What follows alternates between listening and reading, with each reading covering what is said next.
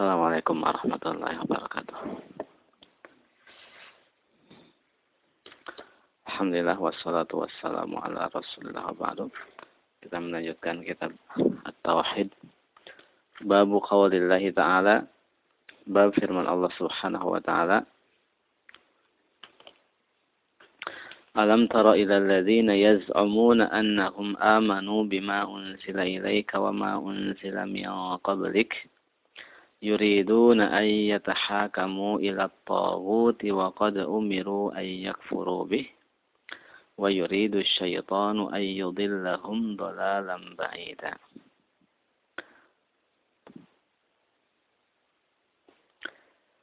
وإذا قيل لهم تعالوا إلى ما أنزل الله وإلى الرسول رأيت المنافقين يسدون عنك سدودا.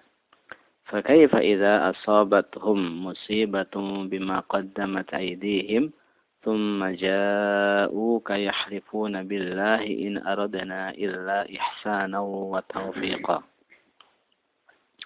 Bab firman Allah Subhanahu wa taala Apa engkau tidak memperhatikan kepada orang-orang yang mengklaim bahwa diri mereka itu beriman kepada apa yang diturunkan kepadamu Dan apa yang diturunkan sebelummu, mereka ingin berhakim kepada Tawud padahal mereka sudah diperintahkan untuk ingkar terhadapnya. Dan setan ingin menyesatkan mereka dengan kesesatan yang sangat jauh. Dan bila dikatakan kepada mereka, marilah kepada apa yang diturunkan eh, Allah dan marilah kepada apa yang dibawa Rasul. Tentu engkau melihat orang-orang munafik itu berpaling dari kamu dengan keberpalingan yang sangat jauh.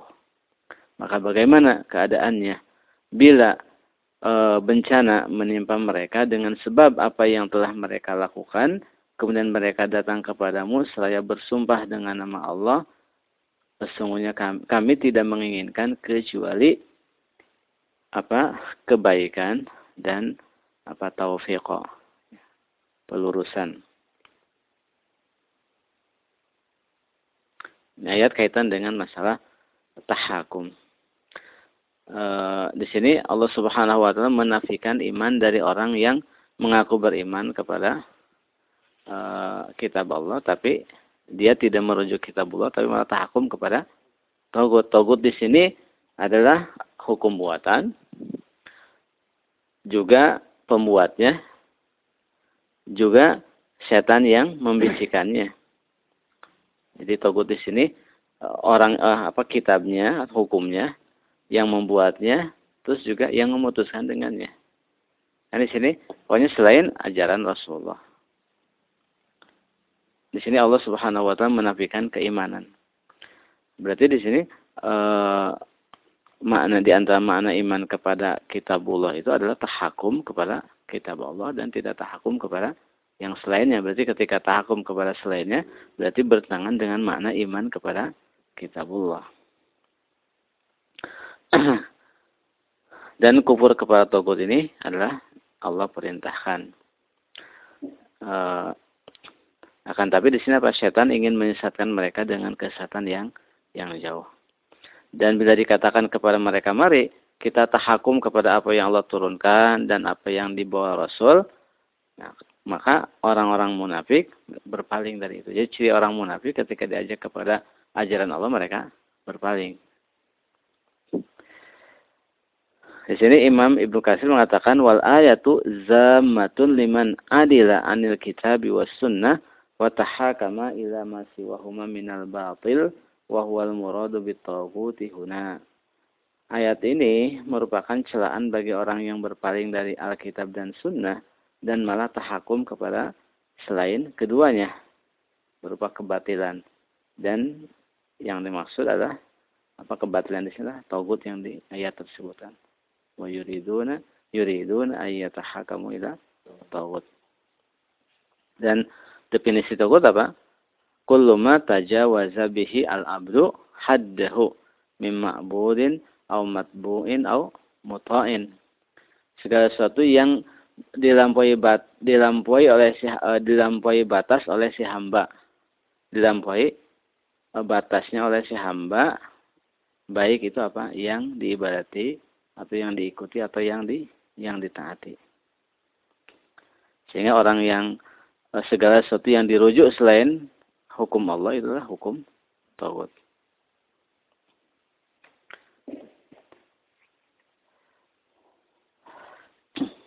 Dan di sini berarti tahakum kepada tauhid itu menafikan apa? Tauhid. Karena tauhid adalah separohnya adalah al-kufru bitauhid, kufur kepada tauhid. Dan ketika banyak ulama menafsirkan kadang tauhid sebut apa al-kahin itu kan, dukun. Kadang apa? Sahir, tukang sihir. Kadang syaitan, setan. Kadang uh, setan berwujud manusia yang dirujuk selain uh, ajaran Allah. Itu semua uh, tafsir apa nau itu kan. Semuanya maknanya benar, tapi setiap ulama menafsirkan dengan salah satu macamnya. Seperti contoh ihdinas siratal mustaqim. Kadang diartikan apa Islam itu kan. Al-Qur'an. Itu kan semuanya Pak. Betul itu yang disebut apa? Ikhtilaf e, tanawu itu. Yang semuanya Pak benar.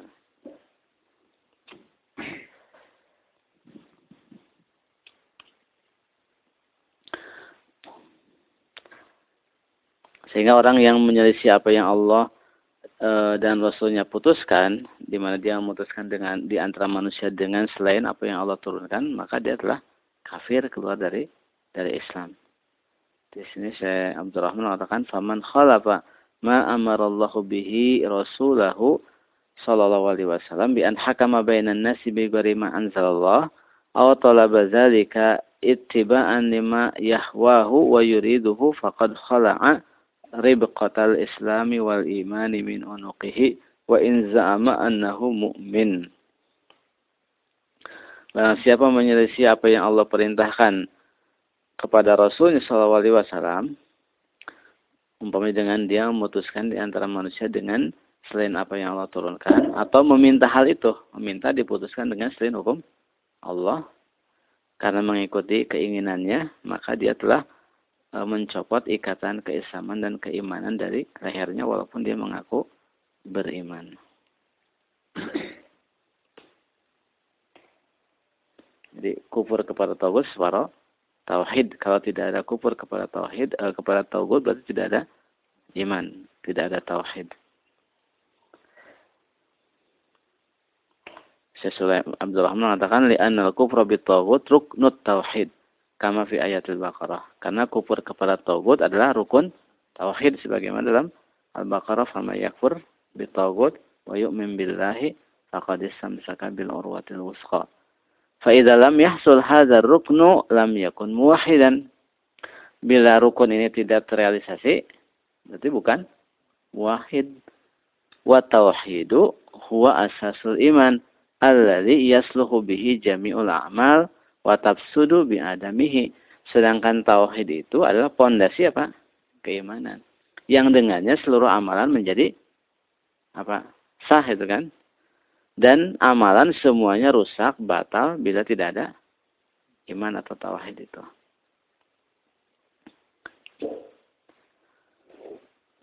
Kemudian wa yuridu syaitan ayyudillahum dhalalan ba'ida. Di sini Allah Subhanahu wa taala uh, menyebutkan empat hal dalam ayat ini. Pertama, wa yuridu syaitan. Menyebutkan iradah syaitan, keinginan syaitan. Jadi pemalingan dari ajaran Allah kepada Tauhid itu adalah keinginan syaitan. Terus kedua, bahwa itu apa? Annahu dolal. Bahwa tindakan itu adalah kesesatan. Keberpalingan dari kitabullah kepada Tauhid itu kesesatan. Kemudian juga dikuatkan dengan masdar kan. Dolalan ba'idah dikuatkan disifati apa ayyudilahum dolalan gitu kan masdarnya dolalan kan penguat sebagai maful mutlak taukid terus apa di e, disifati dengan apa bayi dan kesehatan yang sangat sangat jauh oleh sebab itu orang yang menetapkan keimanan orang yang apa memutuskan dengan selain hukum Allah Subhanahu wa taala itu mereka tidak memahami Al-Qur'an. Kemudian di sini tentang orang-orang munafik bila mereka diajak kepada apa yang Allah turunkan mereka apa? Ya suduna angka sududa. Ya sudun artinya yu'ridun, berpaling. Karena e, ya sudun kadang maknanya apa? Menghalangi, kan? kadang maknanya apa? Menjauhi. Jadi kalau menghalangi, masdarnya sodun. Kalau menghalangi. Tapi kalau e, berpaling, masdarnya sudud. Di sini apa? Wa suduna angka sududa. Itu maknanya adalah e, yu'ridun, berpaling. Sehingga orang yang sifat seperti ini, ketika diajak kepada ajaran Allah, dia tidak mau, malah kepada yang lain, berarti dia orang munafik. Kalau menampakkan, berarti dia orang kafir, orang murtad.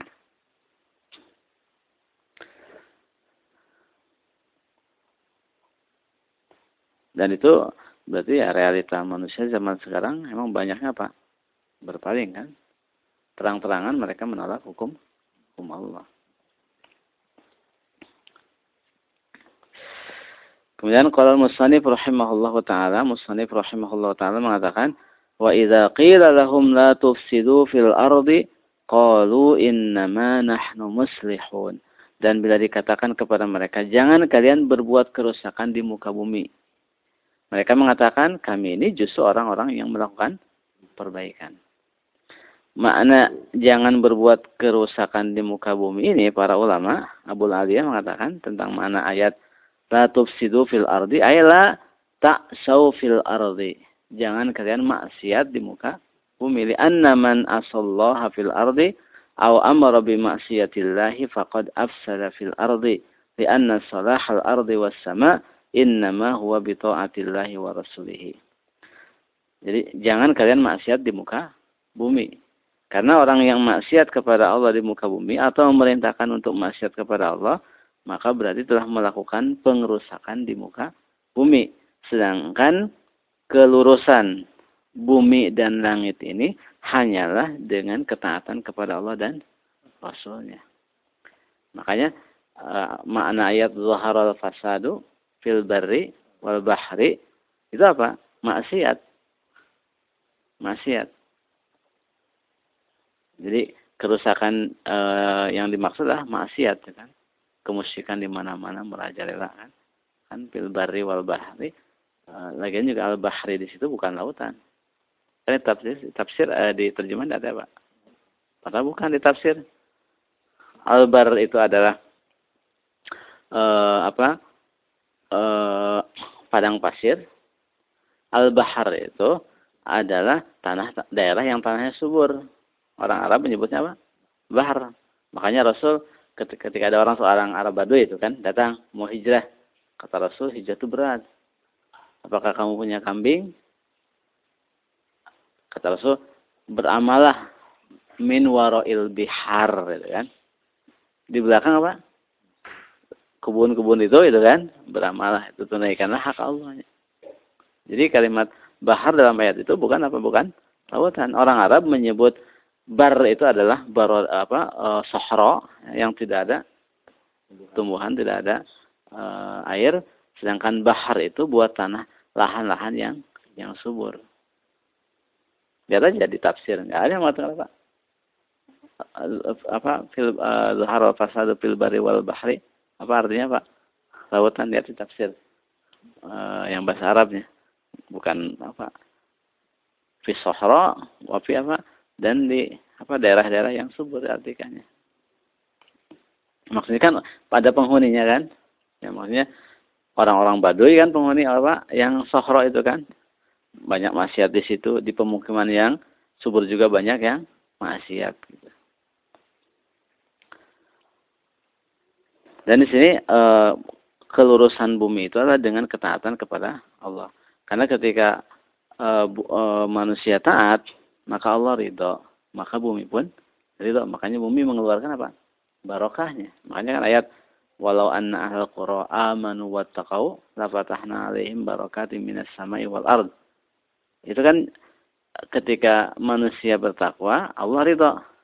Ketika Allah ridho, maka semua makhluk Itu bumi, langit, bumi menurunkan apa mengeluarkan barokahnya, tumbuh-tumbuhan subur. Langit menurunkan hujannya. Dan sebaliknya ketika maksiat, maka Allah murka, bumi pun murka. Air yang tadinya bersahabat jadi banjir kan? Ya. Jadi banjir. Jadi apa? Itu semua murka Allah. Makanya orang ini karena uh, alam atau karena banyaknya penebangan hutan. Itu bukan yang pokok. Justru Pak, maksiat kepada Allah itu pokoknya. Kemusikan datangnya apa? Azab dari Allah kan karena maksiat kan. Kaum yang dahulu tenggelamkan. Sekarang udah datang badai apa? Katerina, tornado itu semua karena apa? Maksiat kan itu. Dan Allah Subhanahu wa taala telah mengabarkan tentang saudara-saudara Nabi Yusuf dalam firman-Nya, ini ketika menafsirkan al-fas hadisnya maksiat, ibs hadisnya berbuat maksiat, eh, Allah mengatakan summa azzana muazzinun ayyatuhal 'iru innakum lasariqun. Qalu wa aqbalu 'alaihim madza tafqidun? Qalu nafqidu suwa'al maliki wa liman jaa'a bihi himlu ba'ir wa ana bihi za'im. Qalu tallahi laqad alimtum ma ji'na linufsida fil ardi wa ma kunna sariqin. Kemudian uh, seorang mengumumkan, Hai apa kapilah itu kan kerombongan uh, Yusuf, kalian mencuri. Kemudian mereka uh, mengatakan sambil menghadap kepada yang nuduh itu, Mada tafkirun apa yang kalian kehilangan apa kalian? Mereka mengatakan kami kehilangan atau tempat minum raja itu. Siapa yang bisa mendatangkannya bagi dia apa? Satu pikul unta. Saya menjaminnya. Terus saudari Nabi Yusuf mengatakan, kalau mereka mengatakan, Tallahi demi Allah. Laqad alimtum, sungguh kalian telah mengetahui, majikna linufsida fil ardi. Kami datang bukan untuk apa? ber, kerusakan ya, berbuat kerusakan. Maksudnya bukan untuk berbuat maksiat. Dan kami tidak mencuri. Maka di sini ayat ini menunjukkan bahwa setiap maksiat itu adalah pengerusakan di muka bumi. Dan e, keterkaitan ayat ini dengan judul dengan judul apa?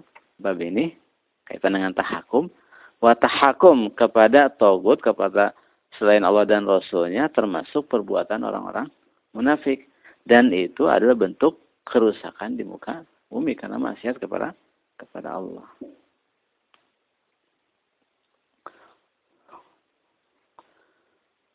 Dan ini juga dalam ayat ini ada e, peringatan bahwa kita jangan tertipu dengan ucapan-ucapan apa ahli ahwa. E, para pengikut hawa nafsu walaupun dikemas dengan kemasan yang yang indah kan mereka mengatakan apa? In aradana illa ihsanan wa taufiqa mereka mengatakan inna nahnu muslihun. Kan bagus. Itu uh, kita jangan tertipu dengan seperti itu tapi uh, harus melihat kepada hakikat yang sebenarnya. Kemudian musannif rahimahullah mengatakan wala tufsidu fil ardi ba'da islahiha. Janganlah kalian berbuat kerusakan di muka bumi setelah apa? terjadi pembenahannya. Di sini dalam tafsir itu ayat uh, firman Allah Subhanahu wa taala dalam surat Al-A'raf ayat 56 Abu Bakar Ibnu Ayyash menafsirkan ayat ini Inna Allah ba'asa Muhammadan ila ahli al-ardi wahum fi fasadin. Fa aslahahumullahu bi Muhammadin sallallahu alaihi wasallam. Faman da'a ila khilafi ma ja'a bihi Muhammadun sallallahu alaihi wasallam fahuwa minal mufsidina fil ardi. Sesungguhnya Allah Subhanahu wa taala telah mengutus Muhammad sallallahu alaihi wasallam kepada penduduk bumi sedangkan mereka dalam kerusakan. Dalam kerusakan terus Allah meluruskan mereka dengan Muhammad SAW. Maksudnya dalam kerusakan, maksiat kan, kesesatan, kemusyrikan. Allah apa meluruskan dengan Muhammad SAW. Sehingga barang siapa mengajak kepada kebalikan apa yang dibawa oleh Muhammad SAW, maka dia termasuk orang yang membuat kerusakan di muka bumi. Kan makna ayat seperti itu. Di ayat wala tufsidu fil ardi ba'da islahiha. Ibnu Qayyim mengatakan mayoritas ahli tafsir mengatakan tentang ayat itu la tufsidu fiha bil ma'asi Jangan kalian berbuat kerusakan di dalamnya dengan maksiat. Wad du'a ila ghairi ta'atillahi ba'da islahillahi iyyaha bi, ba'sir rusuli wa bi bayanis syariah wad du'a ila ta'atillah. Uh, jangan kalian berbuat kerusakan di bumi itu dengan maksiat dan dengan mengajak un, apa kepada uh, selain ketaatan kepada Allah setelah Allah membenahinya dengan diutusnya para rasul, dengan dijelaskan syariat dan adanya ajakan kepada ketaatan kepada Allah. Itu maksud apa? Ayat itu.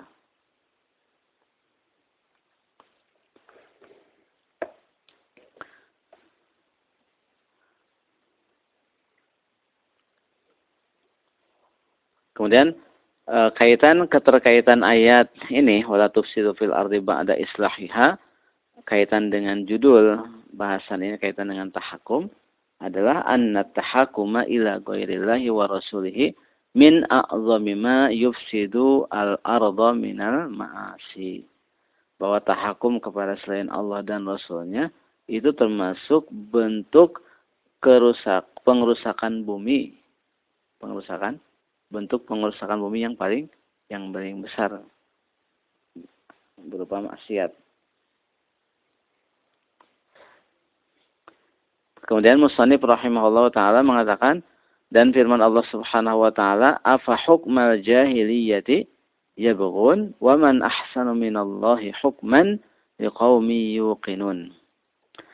Apakah hukum jahiliyah? Apakah mereka mencari hukum jahiliyah? Dan siapa yang lebih bagus putusannya, hukumnya daripada putusan Allah bagi orang-orang yang meyakini. Ibnu Kasir menafsirkan ayat ini beliau mengatakan yunkiru ta'ala ala man kharaja min hukmillahi ta'ala al-mustamil ala kulli khairin uh, wa nahyi an kulli syarrin wa adila ila ma siwahu minal ara'i wal ahwa wal istilahatil lati wada'aha rijal bila mustanadin min syariatillah. Uh, Allah Ta'ala mengingkari orang yang keluar dari hukum Allah. Yang apa mencakup segala kebaikan dan melarang segala keburukan. Dan dia berpaling kepada selain hukum Allah itu kepada apa? Pendapat-pendapat, hawa nafsu, istilah-istilah yang dibuat oleh manusia tanpa landasan dari syariat. Kama kana jahiliyah yahkumuna biha minal jahalat wad dolalat sebagaimana orang-orang jahiliyah memutuskan dengan apa? Dengan kebodohan dan kesesatan. Kama yahkumu biha tatar minas siyasat al-ma'khuzah an Jenghis Khan alladhi wada'a lahum kitaban majmu'an min ahkamin iqtabasaha min syara'i'a syatta min al-yahudiyyati wa nasraniyati wal millati islamiyah wa fiha kasirun min al-ahkami akhazaha an mujarradi nazrihi wa hawah fasarat fi banihi syar'an yuqaddimunahu ala al-hukmi bi kitabillahi wa sunnati rasulih yajibu qitaluhu hatta yarji'a ila hukmillahi wa rasulihi fala uh, yuhkamu fala yahkumu bisiwahu fi qalilin wala kasir. Seperti uh, apa yang digunakan oleh orang-orang Tatar berupa uh, apa hukum-hukum yang dibuat yang diambil dari Genghis Khan, raja Tatar yang membuat bagi mereka apa kitab undang-undang hukum yang dia syarikan dari berbagai macam syariat dari Yahudi, Nasrani, dari Islam Di dalamnya banyak juga hukum-hukum yang dia ambil dari buah pikiran sendiri. Sehingga kitab hukum itu menjadi rujukan yang e, pada apa? keturunannya, dinastinya yang mereka lebih kedepankan daripada hukum Allah dan sunnah Rasulnya. Barang siapa melakukan hal itu, maka dia kafir, wajib diperangi sampai kembali kepada hukum Allah dan Rasulnya. Tidak tidak boleh memutuskan dengan selainnya dalam hal kecil maupun hal besar. Jadi kalau pertama kali munculnya syirik hukum itu ketika zaman Tatar itu. Akan tapi e, pengaruh Tatar itu hanya pada tataran keluarga saja dinasti para apa e, junud aja. Tidak apa tidak menembus ke lapisan masyarakat Islam. Tengah masyarakat walaupun negeri mereka dijajah Tatar, tapi hukum yang berlaku di masyarakat hukum Islam. Tatar sendiri ngaku Muslim itu kan, tapi pakai kita bapak undang-undang hukum jengiskan itu. Tapi mereka mengaku Muslim, makanya dikafirkan kalau seandainya mereka kafirnya e, tidak mengaku Muslim tidak akan dikafirkan karena apa? Karena ininya, tapi karena emang agamanya kafir.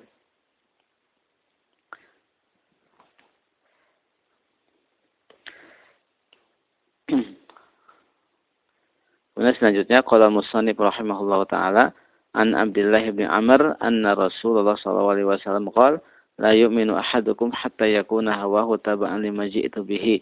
Qala an-Nawawi hadisun sahihun rawainahu fi kitabil hujjati bi isnadin sahih. Dari Abdullah bin Amr Rasulullah SAW mengatakan tidak e, beriman seorang di antara kalian sampai hawa nafsunya mengikuti apa yang aku bawa.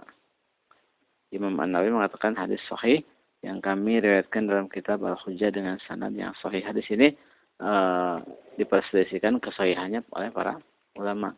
Banyak ulama mendhaifkannya, Imam An-Nawawi mensahihkannya kan dalam Arba'in. Tapi uh, maknanya adalah benar. Karena sesuai dengan firman Allah Subhanahu wa taala, "Fala wa rabbika la yu'minuna hatta yuhaqqimuka fi ma shajara bainahum." Demi Rabbmu, mereka tidak beriman sampai menjadikan kamu sebagai pemutus di antara apa yang mereka perselisihkan. Maka nali mu'minin wala mu'minatin idza qadallahu wa rasuluhu amran ayyakuna lahumul khiyaratu min amrihim. Tidak layak bagi orang mukmin dan wanita mukminah bila Allah dan Rasulnya memutuskan suatu urusan, mereka punya pilihan lain. Jadi makna hadis itu seandainya dhaif eh, apa? Sanadnya tapi maknanya eh, benar. Dan penapian di sini adalah penapian kesempurnaan yang wajib. Kesempurnaan yang yang wajib. Sama seperti hadis la yazni zani hina yazni wa huwa mu'min. La wa la yasriku sarik hina yasriku wa huwa mu'min. Tidak berzina orang yang berzina saat dia berzina sedang dia mukmin. Jadi ketika orang berzina dia bukan mukmin. Dan tidak mencuri orang yang mencuri saat mencuri sedangkan dia mukmin. Orang yang mencuri bukan mukmin. Apa maksudnya kafir?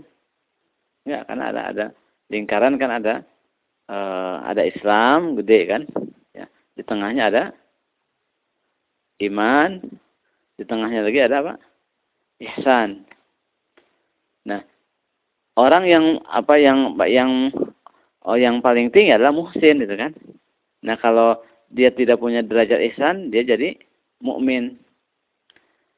Kalau dia berbuat maksiat, keluar dari derajat mukmin jadi muslim. Makanya orang yang berbuat maksiat tidak boleh sebut mukmin, tapi muslim. Atau kalau sebut mukmin, mukmin bi imanihi, fasikun bi maksiatihi. Mukmin dengan keimanannya, fasik dengan maksiatnya. Tidak boleh sebutkan dia mukmin, tapi muslim. Muslim. Karena mukmin itu uh, dalam Al-Qur'an janji Allah itu kepada orang mukmin. Ya wahwa mukmin kan, bukan huwa apa? Muslim, mukmin. Kalau keluar dari Islam namanya apa? Kafir. Berarti di sini semua punya inti apa? Inti tauhid. Kalau masih punya inti tauhid ya paling muslim. Tapi kalau sudah tidak punya inti tauhid jadi kafir. Jadi ketika dinafikan mukmin bukan artinya kafir tapi apa? Muslim. Jadi keluar dari muhsin, kalau dia bukan muhsin, Bukan artinya bukan orang muslim. Dia bisa jadi mukmin, bisa jadi muslim. Ketika bukan mukmin, dia muslim. Begitu jadi dalam hadis orang yang berzina bukan mukmin.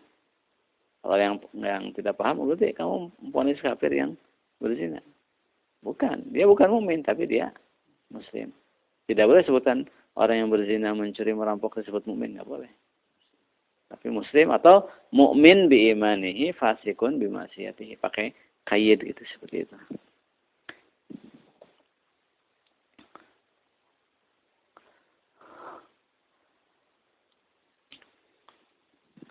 Karena kalimat e, mukmin dalam Al-Qur'an tergantung penggunaan juga. Kadang maknanya tadi makna yang apa? Iman sempurna itu. Kan man amila sholihan min zakarin aw sawahwa mukmin kan? Tapi kadang untuk makna minimal juga dipakai juga fatahriru raqabatin mukminah. Apa disyaratkan hamba sahaya yang untuk dimerdekakan harus yang apa? Yang soleh. Kalau yang fasik tidak sah, sah saja.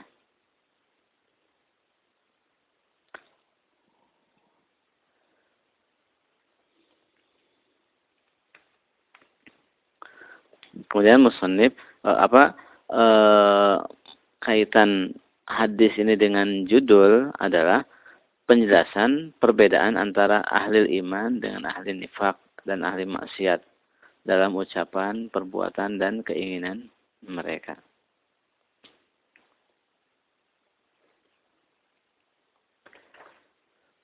Kemudian Musanif rahimahullah mengatakan wa qala Sya'bi kana baina rajulin minal munafiqin wa rajulin minal yahudi khusumah antara seorang pria dari kaum munafikin dan seorang pria dari Yahudi ada pertengkaran.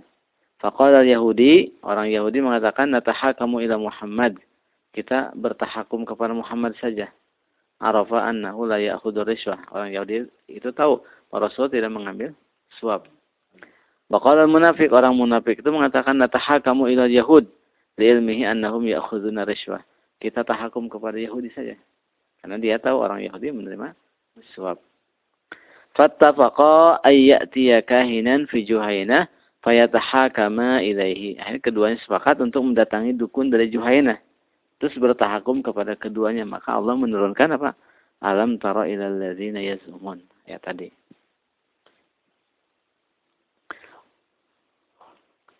Kemudian juga ada yang mengatakan waqila nazalat fi rajulain ikhtasama. Faqala ahaduhuma natarafahu ila Nabi sallallahu alaihi wasallam wa qala akhar ila Ka'b bin al-Ashraf thumma tarafa'a ila Umar bin al-Khattab فذكر له أحدهما القصة فقال للذي لم يرضى برسول الله صلى الله عليه وسلم أكذلك قال نعم فضربه بالسيف حتى فضربه بالسيف فقتله Ada yang mengatakan bahwa sebab nuzul ayat ini turun kaitan dengan dua orang pria yang bertengkar. Yang satu mengatakan kita mengadu kepada Muhammad SAW. Yang satu mengatakan kita mengadu kepada Ka'ab bin Ashraf. Terus akhirnya keduanya mengadu kepada Umar ibnu Khattab. Terus salah satunya menceritakan kisahnya. Tadi yang satu mengajak apa tahakum kepada Rasul, tapi yang satu nggak mau malah mengajak kepada Ka'ab bin Ashraf. Maka Umar mengatakan kepada yang tidak uh, ridho dengan putusan Rasulullah, Apakah seperti itu? Nah, orang itu mengatakan iya. Maka Umar apa? menebasnya dengan pedang sampai mati. Sana dua asar ini adalah lemah tapi disebutkan dalam uh, apa sebab-sebab nuzul ayat ayat ini. Dalam uh, kisah ini ada faidah bahwa orang munafik bila menampakkan kemunafikannya maka dia halal dibunuh kafir. Dan yang eh, apa yang menyebabkan Rasulullah di awal-awal tidak membunuh orang munafik karena pertama di awal Islam juga di awal-awal belum diperintahkan untuk membunuh orang murtad. Terus juga orang munafik juga mereka tidak terbukti secara keterbuktian syar'i itu kan e, dalam hal pembuktiannya bahwa mereka mengucapkan kekafiran walaupun pada hakikatnya ya tapi tidak terbukti sehingga tidak tidak dibunuh Karena tidak mungkin ada orang mengatakan, Rasul tidak membunuh orang yang menampakkan apa? Kekafiran. Itu bentuk apa? Bentuk aniaya kepada Rasul. Rasulullah SAW membunuh sahabatnya yang mulia, ahlul jannah, dengan pembunuhan yang sangat mengerikan, dirajam kan? Maiz, Gomedia. Ya. Dengan apa? Dirajam kan? Sahabat yang mulia. Padahal bukan orang kafir. Mana mungkin beliau tidak membunuh orang kafir murtad yang sudah terbukti kemurtadannya. Karena ada orang mengatakan bahwa Rasul tidak membunuhnya. Tidak membunuh karena ada syarat-syarat yang tidak terpenuhi. Kalau sudah terpenuhi, jangankan yang kafir, yang muslim aja kalau memang ada hal yang menuntut untuk dibunuh, dibunuh oleh Rasulullah SAW. Apa gerangan dengan orang yang yang kafir?